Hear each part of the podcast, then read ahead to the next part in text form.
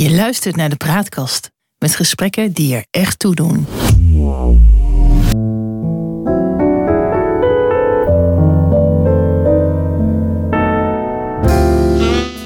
Welkom bij de Praatkast.nl. Dit is een aflevering van het Geheugenpaleis. En mijn naam is John Knierim en samen met Han van der Horst maken we deze podcast.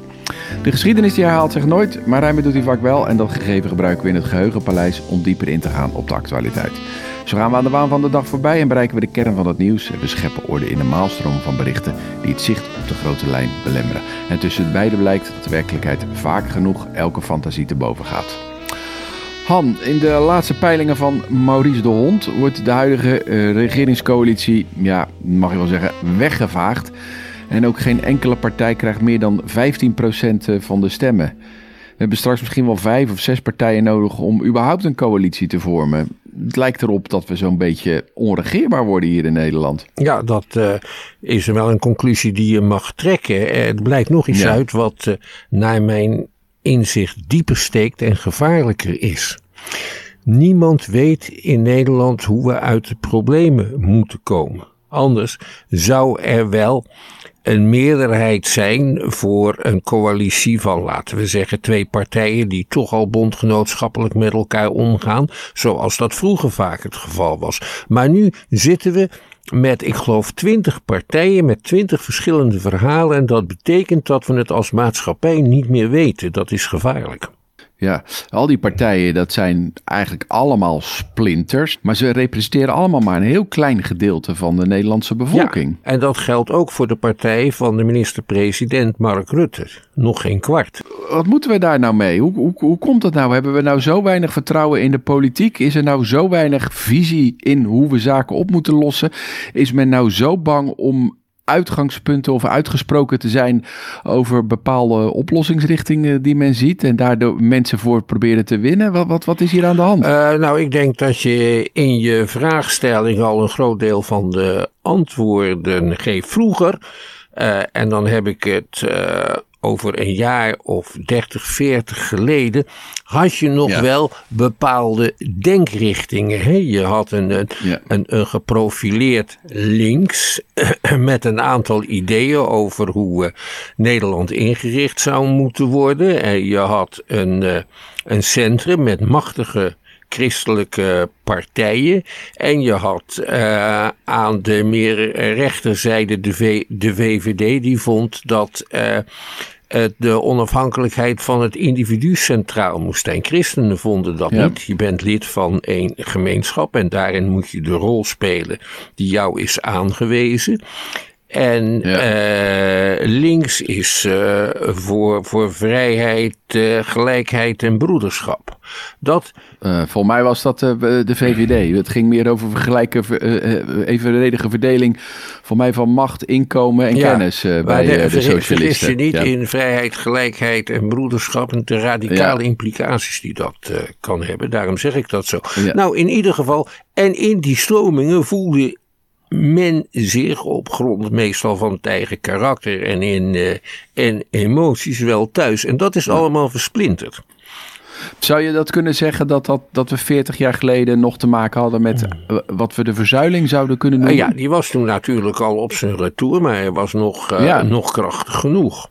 De verzuiling heeft in Nederland allerlei stromingen die erg lijken op, op het populisme van nu klein gehouden. Ja. Vertel eerst eens even wat over die verzuiling. Dat ontstond zo'n beetje na de Tweede Wereldoorlog, nee, nee, denk de ik. verzuiling is veel ja, ouder. Het, uh, het ja. idee is eigenlijk verzonnen door Abraham Kuyper. Ja. De grote instigator van de confessionele politiek. En die zei, mensen leven in verschillende levenskringen. Je hebt de levenskring ja. van de arbeid, van uh, de kerk en van het gezin. En in zijn eigen levenskringen moeten mensen zoveel mogelijk autonoom zijn. Daar moet de staat zich niet mee bemoeien. Bijvoorbeeld het onderwijs. Ja. En dan heb je ook nog een kring, dat is de kring van de maatschappij, waar je andersdenkenden ontmoet. En daar heeft de, uh, de staat een rol. Dat is een beetje het verhaal. En Ja. wat, hoe heeft zich dat ontwikkeld? Dat heeft zich ontwikkeld dat katholieken, protestanten, socialisten en in een bepaald opzicht ook liberalen zich in hun eigen organisaties opsloten. Je bleef binnen je eigen zuil. En je, je, je ging naar dezelfde. Je had je eigen eh, krant. Je had je eigen Ja. kerk. Je had je eigen televisie- Ja. of uh, radioomroep. En je had je eigen ontspanningsvereniging. Dat, dat speelde zich allemaal af binnen gelijkgestemden. Ja, de katholieken, De de, protest- protestanten, de socialisten, de liberalen. Moet ik dat zo, zien? Bij mij thuis, eh, bijvoorbeeld, lazen wij de Volkskrant, de katholieke illustratie, de Beatrice, het blad voor de katholieke vrouw, en Sursum Corda, het kerkblad. We waren lid van Ja. het Wit-Gele Kruis, dat is een katholieke kruisvereniging. Eh, mijn vader stemde op de KVP. Hij was lid van de Nederlands-Katholieke Grafische Bond. En ik ging naar de Ja. Sint-Jozefschool. En als ik niet zo'n pest aan sport had gehad, dan was ik zeker lid geworden van Excelsior 20. Dat was de katholieke algemene sportvereniging van Schiedam. En dat was eigenlijk wel een veilig baken voor iedereen eh, in die tijd. Maar ja, na de Tweede Wereldoorlog, eh, met het opkomen ook eh, zeg maar van ja, veranderingen, eh, eh, Ja. met name in de 60 jaren, is eigenlijk die verzuiling een beetje uit elkaar gevallen.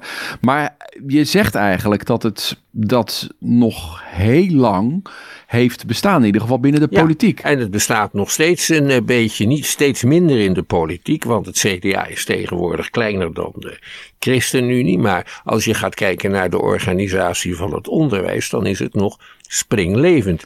En je vindt Ja. het ook nog steeds bij de omroepen. Ook al hebben allerlei ongelijksoortige clubs fusies aangegaan. Hè. Je hebt nog steeds een Ja. VARA, de BNN-VARA. De KRO en de Ja. NCRV zitten samen in één organisatie, maar behouden toch hun eigen kleuren.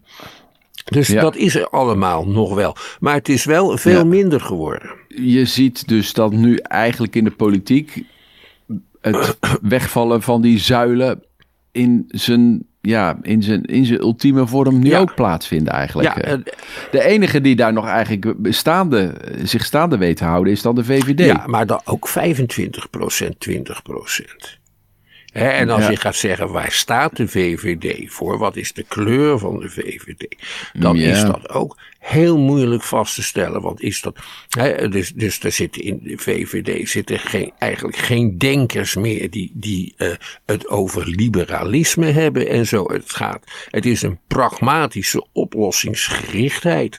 Eh, het, is Ja. ook, eh, het is ook heel, heel typerend dat een man als Rutte met zowat mensen van zowat elke politieke kleur kan samenwerken.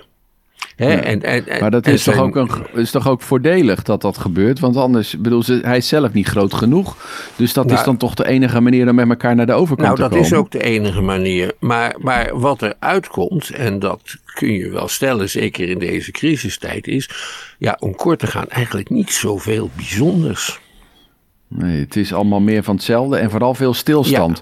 Want je ziet dat het kabinet op dit moment bijvoorbeeld de hele asielcasus niet kan oplossen. En die hete aardappel eh, steeds maar even weer en het doorschuift. zijn, het zijn ook steeds ad hoc oplossingen voor praktische problemen. Ja? Ja. Maar daar zou, Ja. daar, de, de- je moet toch een, een bepaald soort denkrichting hebben om eh, een grote crisis aan te kunnen pakken in zijn fundamenten. Ja, als je het hebt over het klimaat, als je het hebt over de gascrisis, als je het hebt over de asielcrisis, als je het hebt over de woningcrisis, als je het hebt over de gezondheidszorgcrisis, als je het hebt, nou ja, zo kunnen we nog wel even doorgaan. Dat zijn zaken die eigenlijk vragen om een langetermijnblik en zorgen dat je in die komende 10, 15 jaar daar langetermijn planningen gaat Precies. uitvoeren. Maar daar komen we nooit meer naartoe. Nee, en het probleem is ook nog dat we naast dat, eh, die, die, die, die, die massa van verwarring ook nog populistische partijen hebben. En wat is het kenmerk dat die partijen gemeen hebben? Allemaal.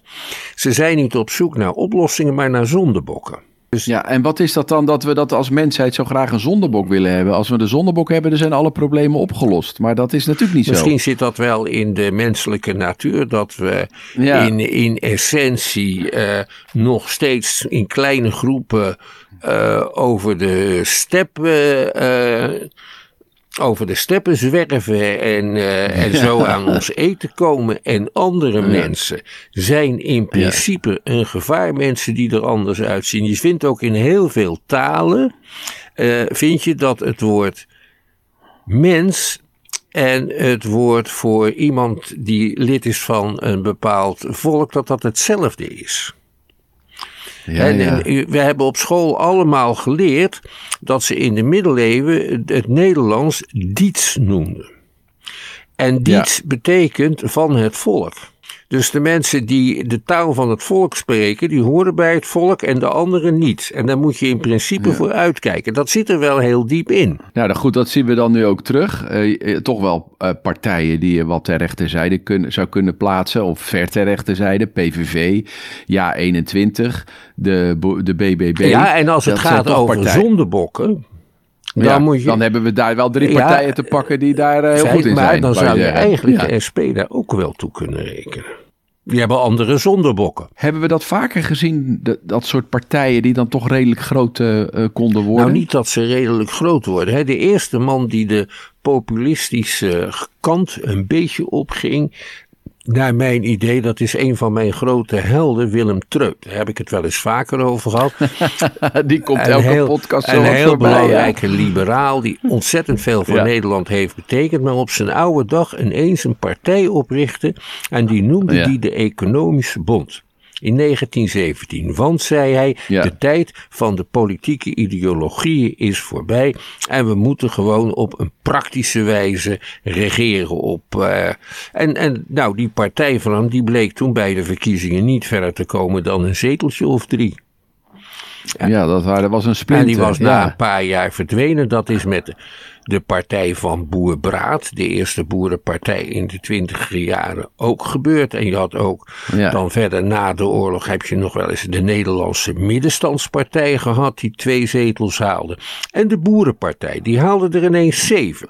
Maar dat was tijdens de eerste grote aanval op het zuilensysteem in de jaren 60. En er was nog zo'n partij, en die heette D66, opgericht in 1966 en de oprichters zeiden dat het politieke bestel moest ontploffen en dat dat hun doelstelling was. En dat je referenda moest organiseren en dat je burgemeesters moest kunnen kiezen. Die haalden ook zeven zetels. Ja, dat D66, dat zal na deze verkiezingen waarschijnlijk weer D33 gaan heten, omdat ze altijd halveren als ze geregeerd hebben. Dat is eigenlijk gewoon een, een mainstream partij uh, geworden. En ze hebben een aantal van die idealen van vroeger ook gewoon heel makkelijk opgegeven. Ja, nou uh, heel makkelijk. Let op, ze bestaan al meer dan 60 jaar. Hè? Dus dat, is, dat is best lang. Uh, maar dat is inderdaad waar. Het, ze zijn ook altijd gestraft als ze gingen regeren. Ja, en het vertrouwen in eh, mevrouw Kaag, toch de, voorzitter, of de, de, fractie, de, de leider van de partij, zo moet ik dat zeggen. Dat is, uh, de, ze heeft geloof ik de laagste ratings van het hele kabinet. Uh, ja, dat zou, uh, zou wel kunnen. Overigens, en dat vind ik wel belangrijk in, in dit verband, is dat een politicus die niet door een deel van het electoraat diep gehaat ja. wordt, waarschijnlijk weinig te melden heeft. Ja, ja het, maar het is ook wel handig dat je toch wat mensen nog achter je weet te verzamelen als je terug wil komen. Zij heeft daar niet uh, de uh, talenten voor in tegenstelling tot bijvoorbeeld haar voorganger Pechtold. Ja. die wel een inspirerend verhaal kon afsteken. Ja, zeker, zeker.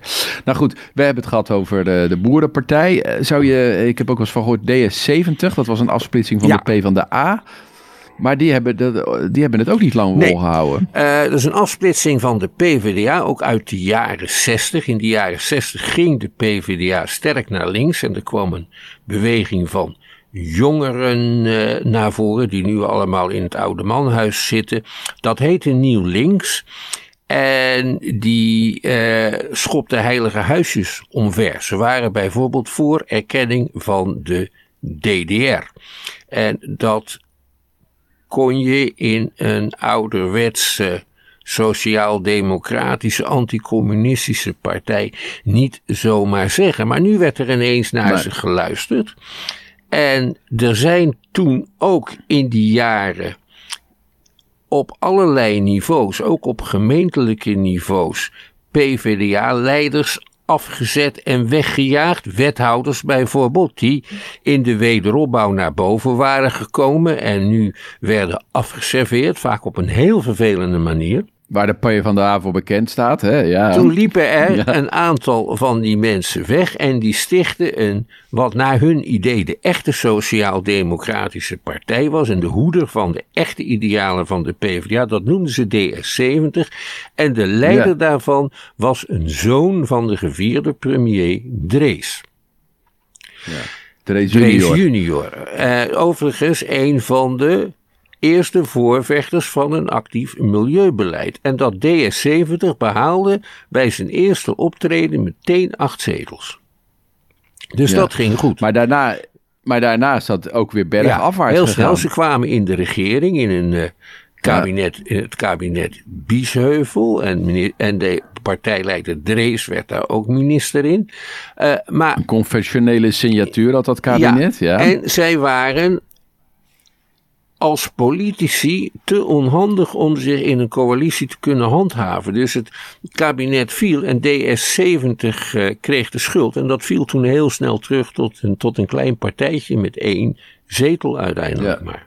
Er waren ook allerlei, ja, hoe moet je dat nou zeggen? Allerlei politieke zwerfkeien lid van geworden die je nu ook weer ziet als er een populistische partij wordt opgericht. Maar zeg je daarmee dat, dat het risico bestaat dat bij zo'n Ja 21, bij een BBB, eh, bij wat hebben we nog meer uh, voor, uh, voor partijen daar, een, een, een, een, een Denk, een, een Volt, een Forum voor, Democratie, Forum voor Democratie, dat zullen we maar niet meer serieus nemen.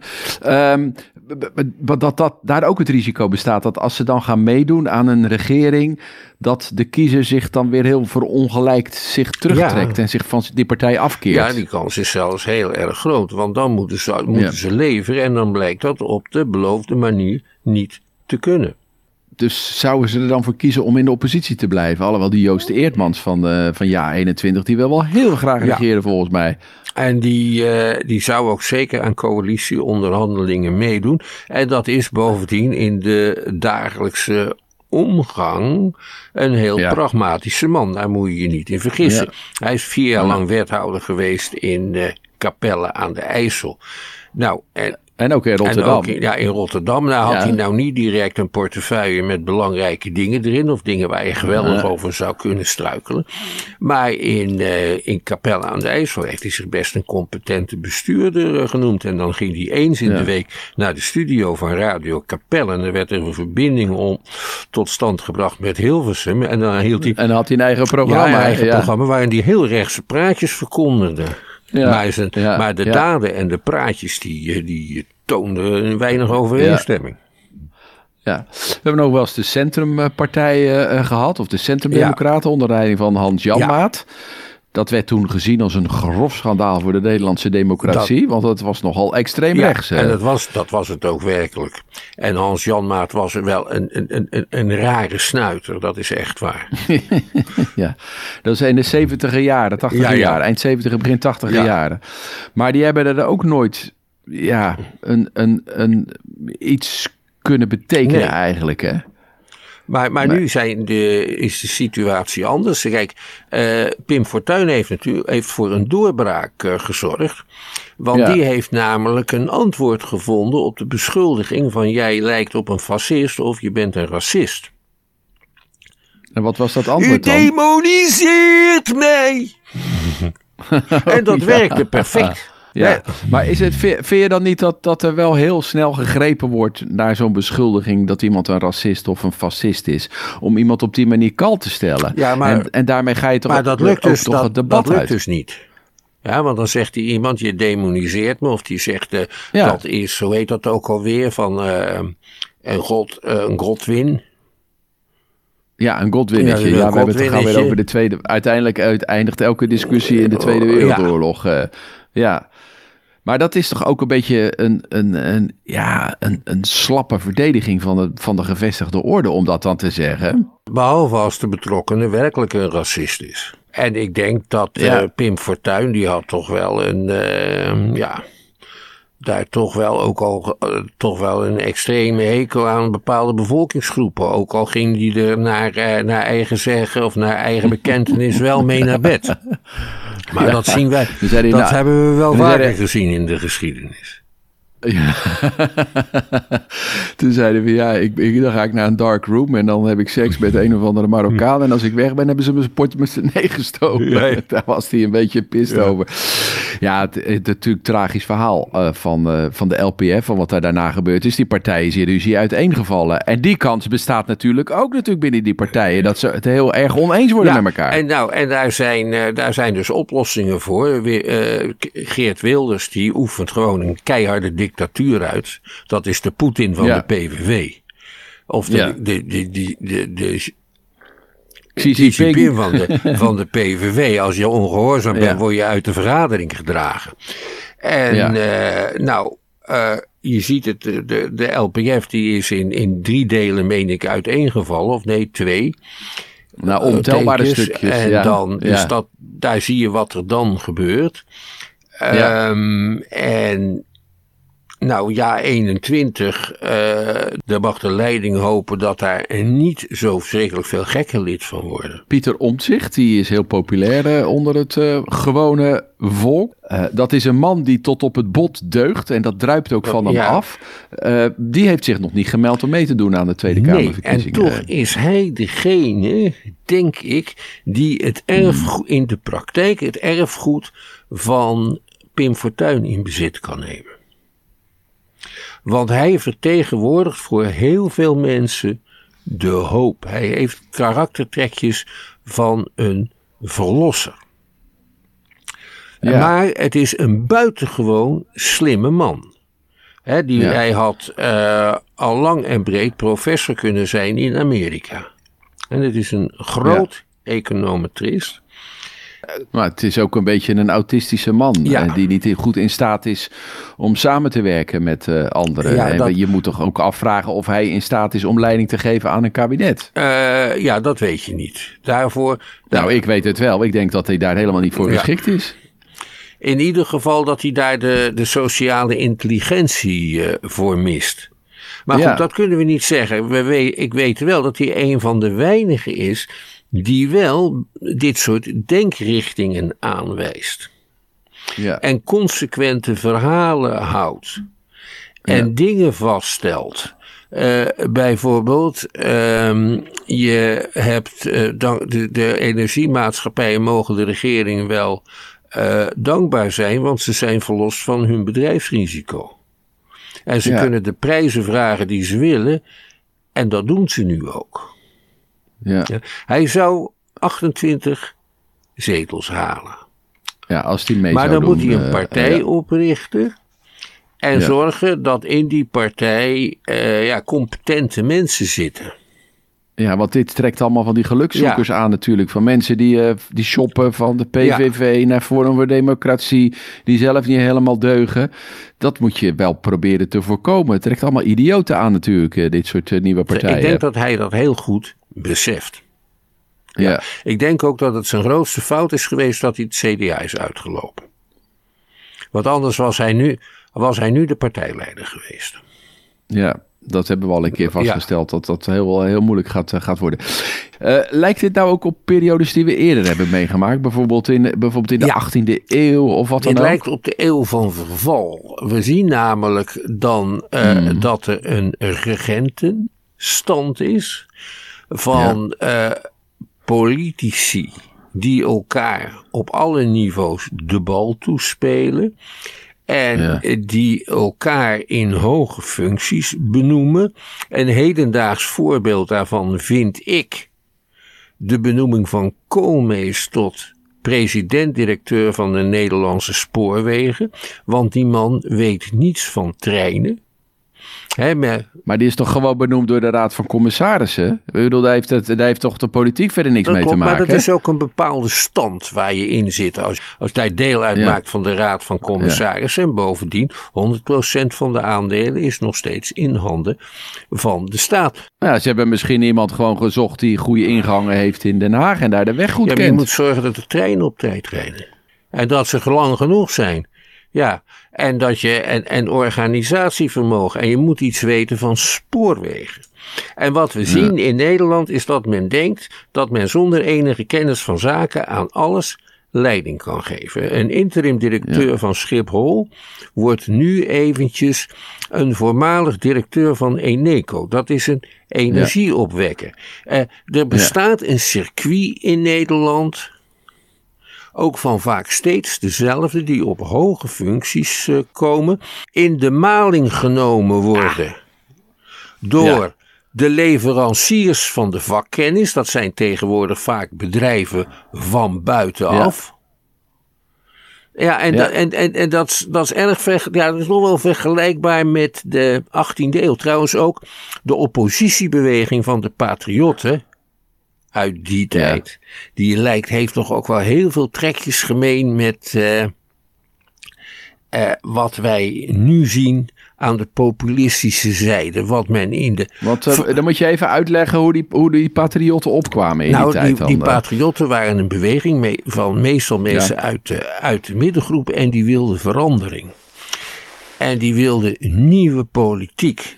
En die hadden ook een zondebok. Die zondebok was stadhouder Willem V. Die moest weg. En het moest allemaal anders worden. Maar hoe anders? dat Dat wisten ze niet. In de, aan de andere Nee. kant van de wereld, in de Verenigde Staten, die er toen in, aan het, in, in, in statu nascendi waren, daar wisten ze dat wel. Nou ontwikkelden ze een grondwet. Die grondwet is geïnspireerd door het Nederlandse systeem. Ja, waarbij men het Nederlandse systeem gebruikte in de Verenigde Staten bij het schrijven van die grondwet. Om vast te stellen wat je vooral niet moest doen. Dat is echt waar. Het tegenovergestelde schreven, schreven ze op. eh. maar goed, jij vindt het daar erg Ik op vind het daar lijken, erg op lijken. En Ja. ook een, een tijd Ja. waarin het, het, stilstand, niet eens zozeer Ja. achteruitgang, maar stilstand. Vooral geen, geen nieuwe dingen proberen. eh, Ja. De problematiek een beetje weglachen. Eh, we hebben eh, de slechtste raadpensionaris die we ooit gehad hebben. Dat was de raadspensionaris Pieter van Blijswijk. Die zat in Den Haag in die jaren van de Patriotten. Ehm, Ja. Heel lang. En op de manier van Rutte wist hij eh, de zaken te plooien en zichzelf in het zadel te houden, zonder Ja. dat er echt wat gebeurde. En als er wel wat gebeurde, dan, dan, dan waren de gevolgen daarvan eh, negatief. Daar lijkt hij op. Op Pieter van Blijswijk, Mark Rutte. Ook, eh, Hey, en en wat, wat is er gebeurd eh, nadat die eh, Pieter van Blijswijk uiteindelijk toch eh, vertrok? En hebben de patriotten, die je nu met de populisten zou kunnen vergelijken, uiteindelijk een zege behaald? Hoe, hoe is dat afgelopen? Wanneer kwam er iets nieuws? Ze zijn door een Pruisische invasiemacht onderworpen en verdreven. En dat kwam omdat de Willem V was getrouwd met, met een zus van de koning van Pruisen. En die zus was te veel beledigd, dus stuurde de koning van Pruisen een leger. Dat komt toen nog. En, en dat heeft de hele situatie Ja. veranderd. Dus we moeten eigenlijk wachten tot Poetin ons land binnenvalt, als ik jou zo hoor. Dat, dat zou de parallel zijn die, eh, die Thierry Ja. Baudet trekt. Want die zou dat wel willen, denk Ja. ik. Nee hoor, eh, de patriotten moesten vluchten of onderduiken. Of zich gedijst houden. En in 1795 kwamen ze aan de macht omdat Nederland bezet werd door een Frans leger. En daarna is het moderne Nederland vormgegeven. Kortom, er waren toch externe factoren Ja. nodig eh, eh, die uiteindelijk tot verandering eh, hebben geleid. Zou dat dan nu ook weer gelden? Weet ik niet. Durf ik niet te zeggen. Nee, dat is natuurlijk ook een, een beetje angstaanjagend beeld. Omdat we moeten Ja. bedenken dat het van buiten zou moeten komen. Dan zou het toch maar beter zijn als we met z'n allen de schouders eronder zetten. En iets bedenken waar we allemaal achter kunnen staan. Vind je niet? Eh, ja, maar wat dan? Ja. Ja, het, is, het is allemaal zo vergruist geraakt. We eindigen niet eh, prettig deze, deze, deze podcast, eh, Han. We moeten maar eens doorpraten hoe we hier nou met z'n allen uit eh, gaan eh, komen. Nou, we hebben het al eens over die nationale regering gehad, hè? Een extra parlementair eh, kabinet. Ja, en, en als, je, als de peilingen bewaarheid worden, dan is dat denk ik ook de enige Ja. oplossing. En wie weet zijn we dan gered. Maar we moeten onszelf redden. We kunnen dat niet aan een ander overlaten. Dat is geen pleidooi voor Poetin, dat hoor ik al. Hey, eh, we moeten het hierbij laten, deze aflevering van het Geheugenpaleis. We maken dit samenwerking met de Praatkast en alle uitzendingen die zijn te vinden op www.praatkast.nl. Abonneer je op onze podcast in je favoriete podcast app, dan krijg je automatisch een bericht wanneer een nieuwe aflevering online komt. Vertel je vrienden over ons en laat vooral ook een beoordeling achter, dan worden we nog beter gevonden. En wil je ons mailen, stuur een bericht aan info.praatkast.nl. Voor nu, bedankt voor het luisteren en tot de volgende keer. Wees gelukkig, blijf gezond.